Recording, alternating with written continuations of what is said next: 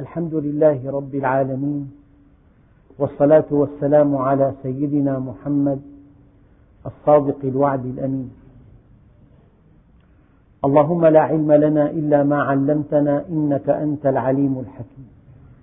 اللهم علمنا ما ينفعنا وانفعنا بما علمتنا وزدنا علما. وأرنا الحق حقا وارزقنا اتباعه. وأرنا الباطل باطلا وارزقنا اجتنابه واجعلنا ممن يستمعون القول فيتبعون أحسنه وأدخلنا برحمتك في عبادك الصالحين. أيها الإخوة المؤمنون مع الدرس التسعين من دروس سورة البقرة ومع الآية الخامسة والسبعين بعد المئتين وهي قوله تعالى الذين يأكلون الربا لا يقومون إلا كما يقوم الذي يتخبطه الشيطان من المس. إلى آخر الآية. أيها الإخوة الكرام ذكرت لكم في الدرس الماضي أن المال قوام الحياة. فإذا نمى من الأعمال كان دولة بين الناس جميعا وهذا الوضع الطبيعي الصحي الذي أراده الله عز وجل. كل الناس في بحبوحة. كلهم يأكل ويشرب. وإذا ورد المال عن طريق المال كان دولة بين الأغنياء منكم. فصار التفاوت الطبقي وصار مليون لا يملكون واحدا وواحد يملك مليونا. عندئذ يفشو الانحراف والسرقة والاحتيال والانحراف الأخلاقي وما إلى ذلك. وذكرت لكم أيضا أن المعصية تقيم بحجم ضررها.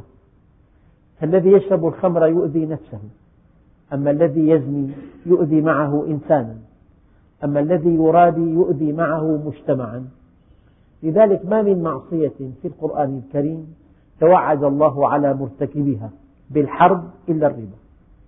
لأن مجتمعا بأكمله يمكن أن يجوع مجتمعا بأكمله يمكن أن يشقى بسبب جشع أناس نموا أموالهم عن طريق الربا. وذكرت لكم أيضا أنك حينما تضع مالك في العمل لا بد من أن يعيش معك أناس كثيرون. والآن مشكلة المشاكل في الأرض البطالة. فكلما أودعت الأموال في البنوك زاد حجم البطالة. وكلما وضعت الأموال في الأعمال تقلص حجم البطالة وهذه قاعدة. وذكرت لكم أيضا أن السعر كلما ارتفع والربا يسهم في رفع الأسعار ضاقت شريحة المنتفعين بهذا الشيء. وإذا ضاقت لا بد من أن يرفع السعر مرة ثانية كي يضمن للبائع حياة مستقرة. إذا سلسلة لا تنتهي. حلقة مفرغة. أما حينما يلد العمل المال توزع الأموال أو توزع الكتلة النقدية بين أيدي الناس جميعا. هذا ملخص الدرس الماضي. والآن إلى تفاصيل هذه الآيات. يقول الله جل جلاله الذين يأكلون الربا يأكلون أي يكسبون. وفي هذا إشارة إلى أن حاجة الإنسان إلى الطعام والشراب حاجة متميزة بل هي حاجة أولى. فإذا كسب المال الحرام من أجل أن يأكل. وقد ذكر الله جل جلاله أن الأنبياء يمشون في يأكلون الطعام ويمشون في الأسواق. وفي هذا إشارة دقيقة إلى أن النبي بشر تقوم حياته على تناول الطعام. إذا هو مفتقر في وجوده وفي استمرار وجوده إلى تناول الطعام والشراب. ثم إنه مفتقر مرة ثانية إلى ثمن الطعام. لا بد من أن يمشي في الأسواق كي يحصل ثمن الطعام. هذا هو البشر. مفتقر مرتين مرة إلى الطعام ثم إلى ثمنه.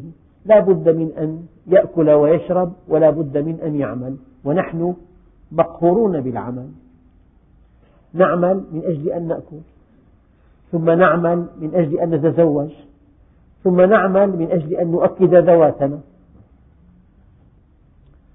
فهذا الذي يأكل الربا بنى مجده على أنقاض الناس وبنى غناه على إفقارهم وبنى عزه على ذلهم.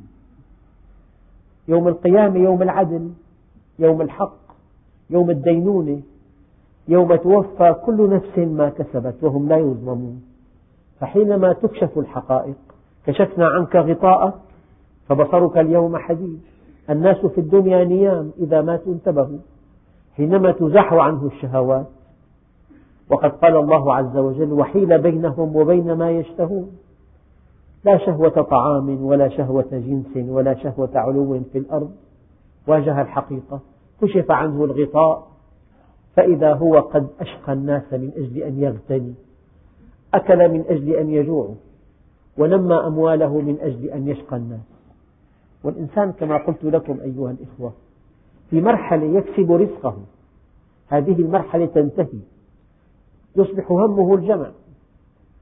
يصبح همه الجمع. لذلك قال تعالى ورحمة ربك خير مما يجمعون فهؤلاء الذين يأكلون الربا يأكلون ما ليس لهم بحق أن يأكلوه. يعني إذا أقرضوا اشترطوا على إقراضهم أن يعود المبلغ زائدا رابيا في زيادة لعلة الزمن.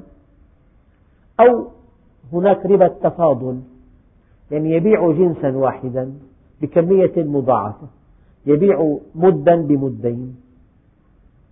من جنس واحد هذا فيه ظلم شديد. النبي عليه الصلاة والسلام قال الذهب والفضة والقمح والشعير والتمر والزبيب يدا بيد و وسواء بسواء يدا بيد وسواء بسواء. طبعا بحث الربا وتفصيلاته وأنواع المواد الربوية وعلة الربا موضوع يحتاج إلى درس فقه. نعم. وهو معروف لدى كل الإخوة فهؤلاء الذين يأكلون الربا لا يقومون يوم القيامة إلى ربهم إلا كما يقوم الذي يتخبطه الشيطان. يتخبطه أي يضربه الشيطان. وهذا الذي يسميه الناس آه، مس, مس الشيطان الوقوع بالساعة الصرع. فمن شدة اضطرابه ومن شدة شعوره بالذنب ومن شدة العار الذي تلبسه من شدة خوفه من الحساب يقوم يوم القيامة كما يقوم الذي يتخبطه الشيطان من المس. علة هذا الاضطراب الشديد وهذا الهلع وهذا الخوف أنهم قالوا إنما البيع مثل الربا. وهناك آلاف مؤلفة الآن يقولون يعني ما الفرق بين أن تضع مالك مع إنسان يستثمره لك ويعطيك في آخر العام ربحا. وبين أن تضعه في مصرف يعطيك فائدة. بون شاسع. أنت حينما تضع المال في مصرف تأخذ ربحا ثابتا. أما حينما تضع المال مع أخ يستثمره تأخذ ربحا حقيقيا. فإذا ربح أعطاك وإن لم يربح لم يعطك شيئا. وإذا خسر لك نصيب من الخسارة. في تعاون. أما في الربا في إنسان مستغل وإنسان مستغل لذلك قال تعالى ذلك بأنهم قالوا إنما البيع مثل الربا. قال علماء البلاغة هذا تشبيه معكوس. الأصل أن يقولوا إنما الربا مثل البيع.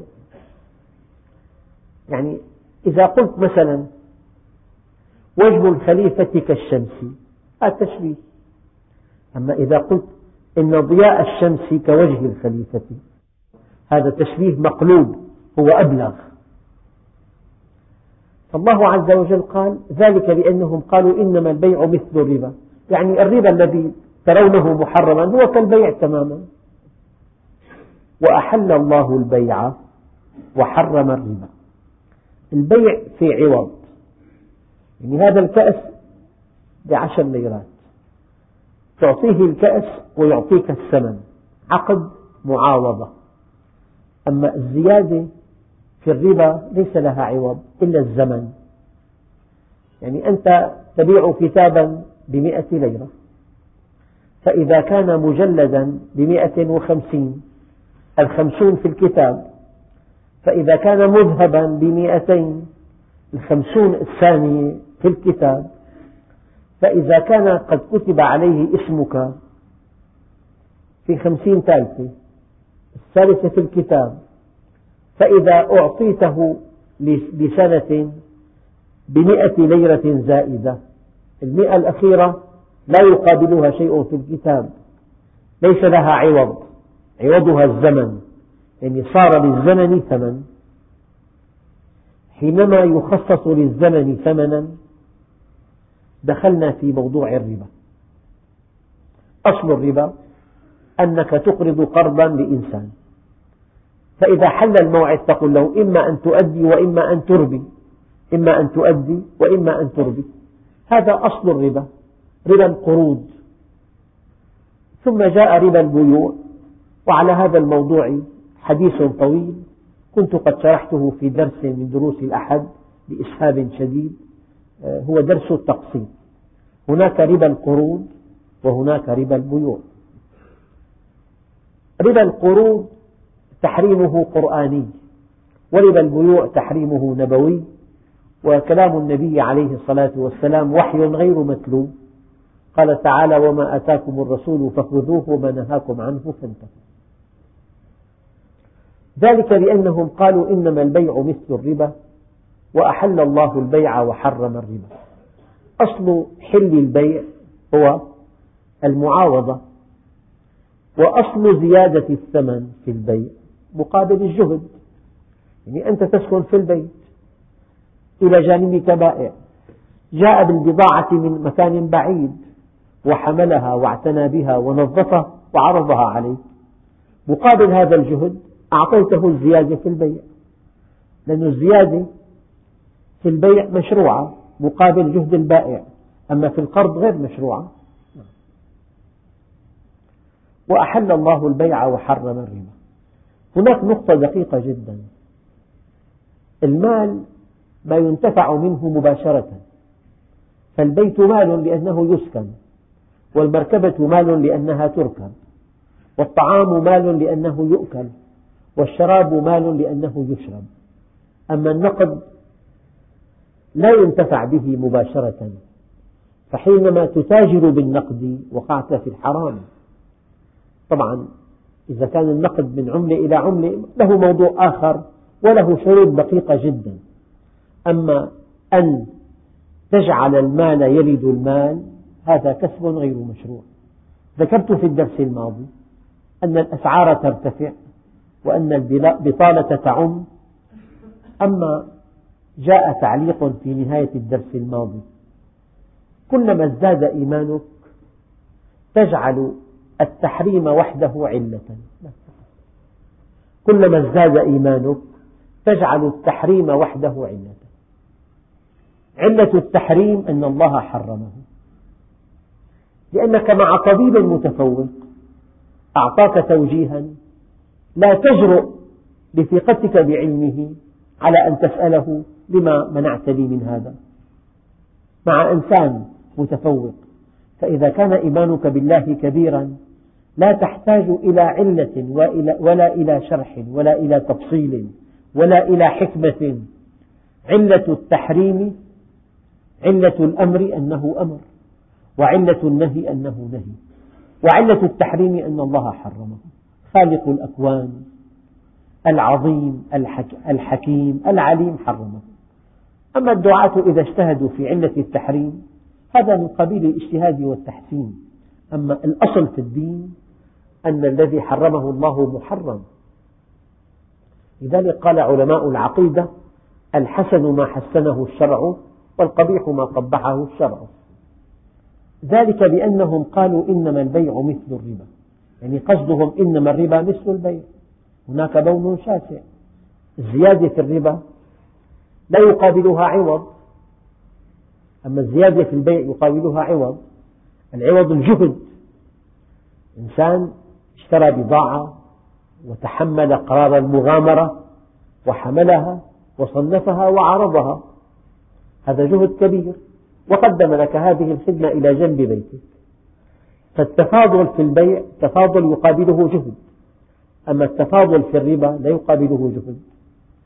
التفاضل في البيع توزع فيه الأموال إلى عدد كبير من الناس. أما التفاضل في الربا ليس كذلك. قال فمن جاءه موعظة من ربه فانتهى فله ما سلف وأمره إلى الله. ومن عاد فأولئك أصحاب النار هم فيها خالدون. يعني إذا جاءك الذين آمنوا آه، يقول الله عز وجل أن هؤلاء الذين آمنوا إذا عملوا شيئا يجهلونه ثم عرفوا الحقيقة فتابوا. إذا جاءك الذين آمنوا آه، فقل سلام عليكم كتب ربكم على نفسه الرحمة أنه من عمل منكم سوءا بجهالة ثم تاب من بعد ذلك وأصلح فإن الله غفور رحيم. يعني الإنسان لا يعلم إذا علم يجب أن ينتهي. يقول الله عز وجل هنا فمن جاءه موعظة من ربه فانتهى فله ما سلف له رأس ماله وأمره إلى الله فيما مضى يغفر له إن كان صادقا ونادما وقد لا يغفر له لحكمة يريدها الله عز وجل. أما حقه أن يسترد رأس ماله فقط. فله ما سلف وأمره إلى الله ومن عاد إلى أكل الربا فأولئك أصحاب النار هم فيها خالدون. يعني هذه المعصية سبب خلود في النار. ثم يقول الله عز وجل يمحق الله الربا. وهذه الآية دقيقة جدا. يمحق الله الربا ويربي الصدقات. يعني العجيب بالرياضيات العكس. إذا أقرضت قرضا ربويا مئة ألف مثلا عادت مئة وعشرين فالربا اسمه ربا من الزيادة. أما إذا أقرضت قرضا حسنا عاد مئة. فبالآلات الحاسبة الربا ينمي المال والصدقة لا تنمي. الآية بالعكس. يمحق الله الربا ويربي الصدقات ماذا نستنبط من هذا؟ نستنبط أن هناك قوانين مستنبطة من حركة الحياة. وهناك منظومة من القوانين الأخرى لا, يعلم لا يعلمها إلا قلة قليلة ممن أوتوا العلم.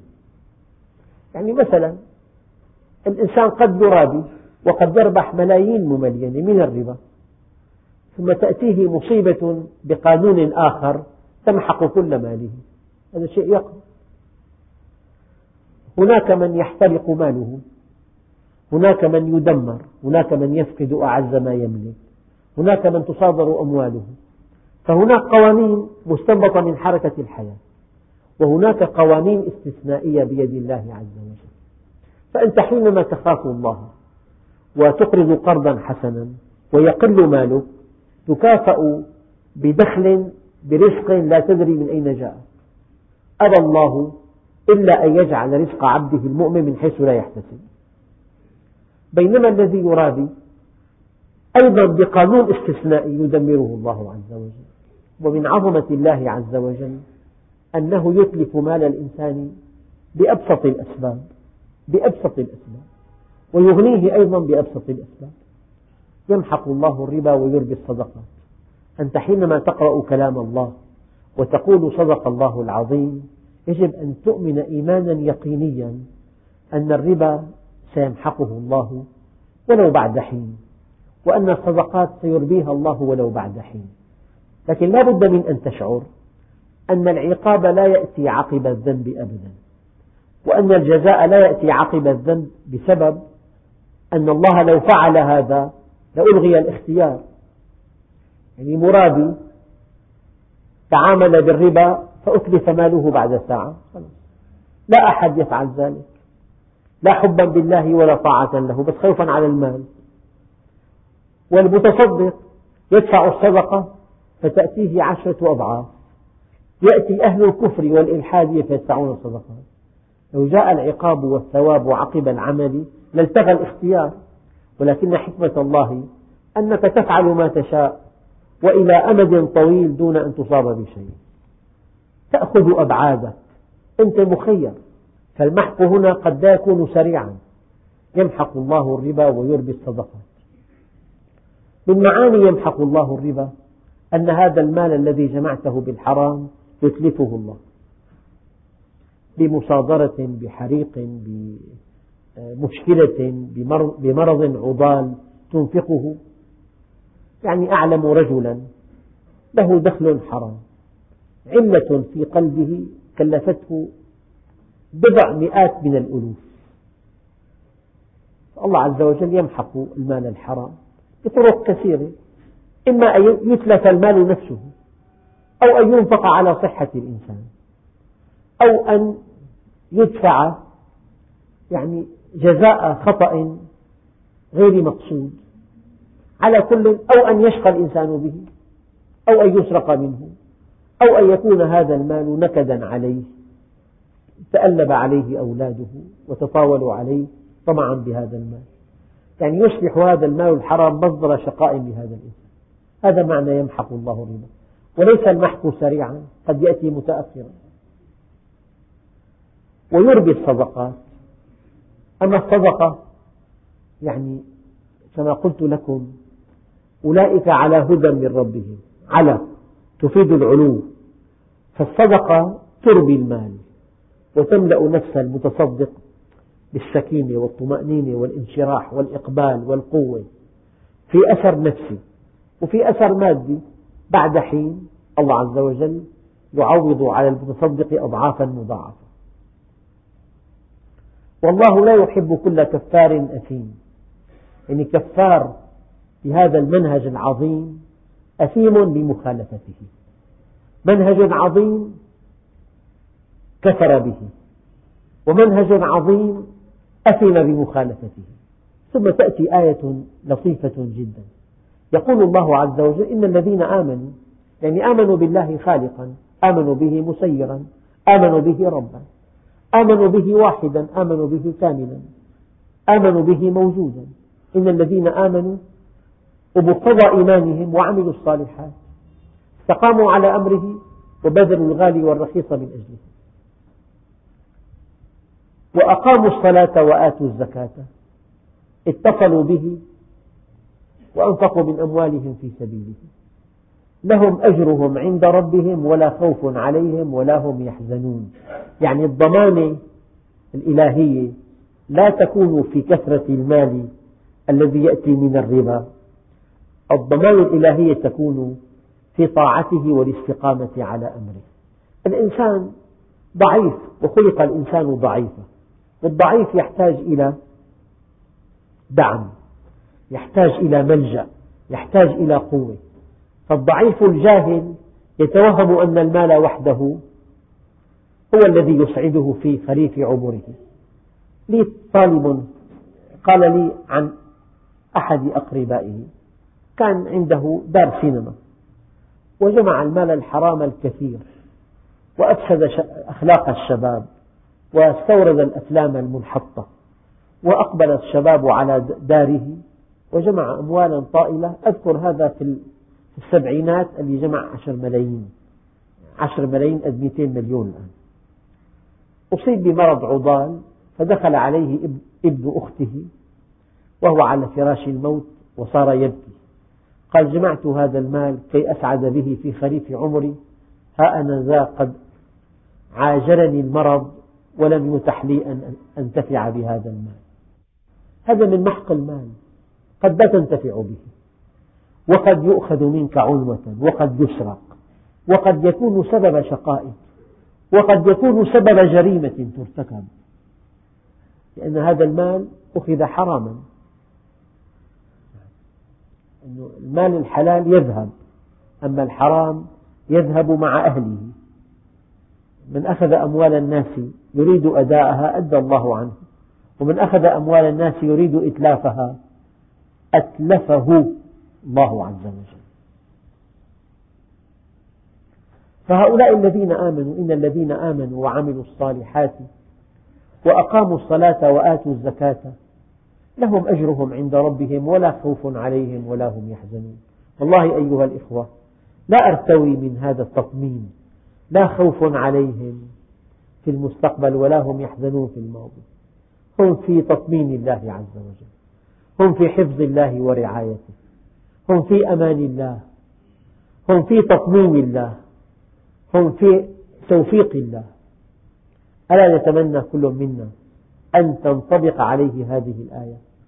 إن الذين آمنوا وعملوا الصالحات وأقاموا الصلاة وآتوا الزكاة وآتوا الزكاة لهم أجرهم عند ربهم ولا خوف عليهم ولا هم يحزنون.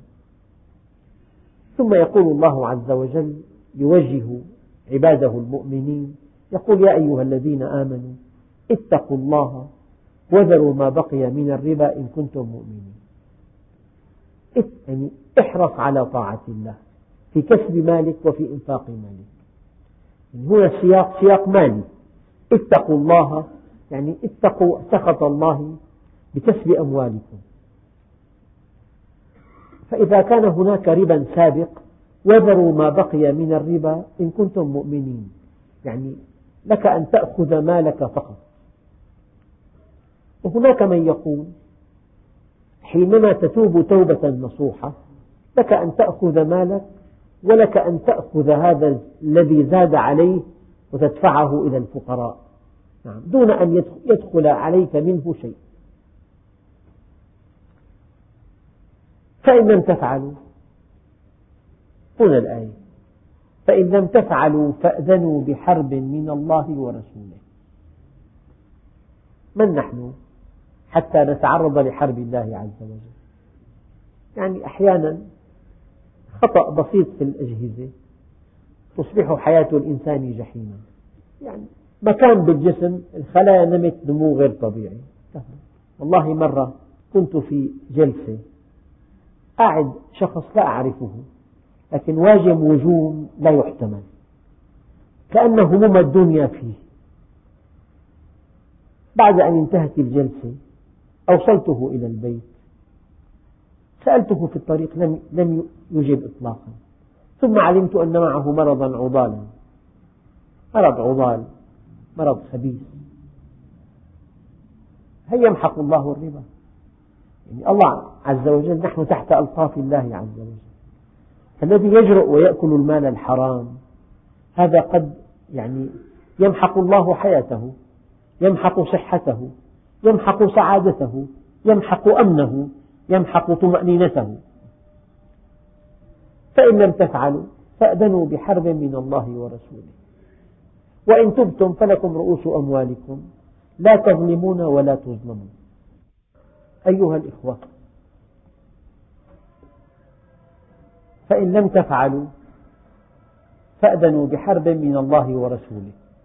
وإن تبتم فلكم رؤوس أموالكم لا تظلمون ولا تظلمون. وإن كان ذو عسرة فنظرة إلى ميسرة. يعني هذا الذي أقرضته المال بفائدة. إذا كان ذو عسرة فانتظره حتى يتيسر أمره. لا تقل له إما أن تقضي وإما أن تربي. هذا سلوك الجاهلية. وأن تصدقوا بأن تنزلوا عن بعض هذا المال للمدين المعسر. وأن تصدقوا خير لكم إن كنتم تعلمون. واتقوا يوما ترجعون فيه إلى الله. ثم توفى كل نفس ما كسبت وهم لا يظلمون. يعني يجب أن تعلم علم اليقين أنه لا بد من أن تقف يوم القيامة بين يدي الله لتحاسب عن كل حركة وعن كل سكنة وعن كل نفقة وعن كل كسب فعلته في الدنيا. وهذا هو يوم الدين يوم الجزاء. فالإنسان الذي يؤمن أنه سيحاسب يستقيم في الدنيا. سيدنا عمر يقول حاسبوا أنفسكم قبل أن تحاسبوا وزنوا أعمالكم قبل أن توزن عليكم واتقوا يوما ترجعون فيه إلى الله ثم توفى كل نفس ما كسبت وهم لا يظلمون نحن في دار عمل ولا جزاء ونحن قادمون على دار جزاء ولا عمل نحن في دار هدنة وانقطاع العام الدراسي عام هدنة الطالب يدرس أو لا يدرس. يجتهد أو لا يجتهد. هو في بحبوحة. أما بالامتحان حد فاصل. الامتحان يفرز الطلاب. ونحن في زمن هدنة وانقطاع. الموت يقطع هذه الهدنة. وهدنة مسموح لنا أن نفعل كل شيء. كل شيء بحسابه. اعملوا ما شئتم. لكن المؤمن الصادق لا يفعل شيئا إلا ومعه لله حجة. إن فعلت هذا هل يرضى الله عني؟ هل لا يرضى عني؟ ماذا أفعل؟ أقدم أحجم. في حوار مع نفسه. وهذه الآية من أدق الآيات في كتاب الله. وقيل آخر آية نزلت في القرآن الكريم. واتقوا يوما ترجعون فيه إلى الله ثم توفى كل نفس ما كسبت وهم لا يظلمون. والحمد لله رب العالمين. وفي الدرس القادم إن شاء الله تعالى نتحدث عن آية الدين. على كل موضوع الربا موضوع حساس جدا. يعني هناك عشرات الأسئلة. أولا الحقيقة أن هذا هو الشرع. أما وين بدي أضع مالي؟ هذا موضوع ثاني. كل شيء له ميزان. هذا هو الحق. وهذا هو الشرع وهذا هو المنهج. أما قد ينشأ بزمن معين مشكلات لا تعد ولا تحصى. هذه لا تحل بمشكلة. يعني أنا أضرب مثل دائما. لو أن إنسان أصابه جراح عميقة على خده الأيمن. ذهب إلى طبيب تجميل. قال له قضية سهلة جدا. أنزع لك قطعة من خدك الأيسر أضعها على خدك الأيمن. ما استفدنا شيء حل مشكلة بمشكلة. فهناك أشخاص كثيرون عندهم مشكلة مالية. هذه لا تحل بالربا. مشكلة لها حل آخر. وما في إنسان يطلب, يطلب النجاة من الله عز وجل إلا والله جل جلاله ييسر له طريقا مستقيما رائعا. يعني مرة فلاح يعيش حياته كلها في خدمة الأثرياء وزعت عليه أرض فرح بها فرحا لا حدود له. وذهب إلى شيخه ليخبره. قال له يا بني هذه أرض مغتصبة ولا يجوز أن تتملكها ولو أنها ملكت لك. هذا هو الشرع. فكل هذا الفرح عاد حزنا وانقباضا. ذهب هذا الإنسان الطيب إلى الإنسان الثري الإقطاعي يحاول معه أن يبيعه هذه الأرض التي ملكها بحكم القانون. أنه أتبيعني إياها؟ هذه الأرض ليست لي هي لك وقد أخذت منك عنوة أعطيت إياها. قال له والله أنا أخذ من مالي أربعمائة دنم ولم يأتني واحد ليسألني أكان هذا المال حلالا أم حراما؟ هي لك هدية يا بني بحرصه وورعه وسؤال شيخه الله ألقى في قلب هذا الغني أن يقدمها له هدية ليزرعها وهو مرتاح وهو في طاعة الله عز وجل. ما ترك عبد شيئا لله إلا عوضه الله خيرا منه في دينه ودنياه. والله مستحيل وألف ألف مستحيل. أن تدع المال الحرام خوفا من الله ثم لا تأخذ شيئا يقابله إلا ويغنيك الله عز وجل. والحمد لله رب العالمين.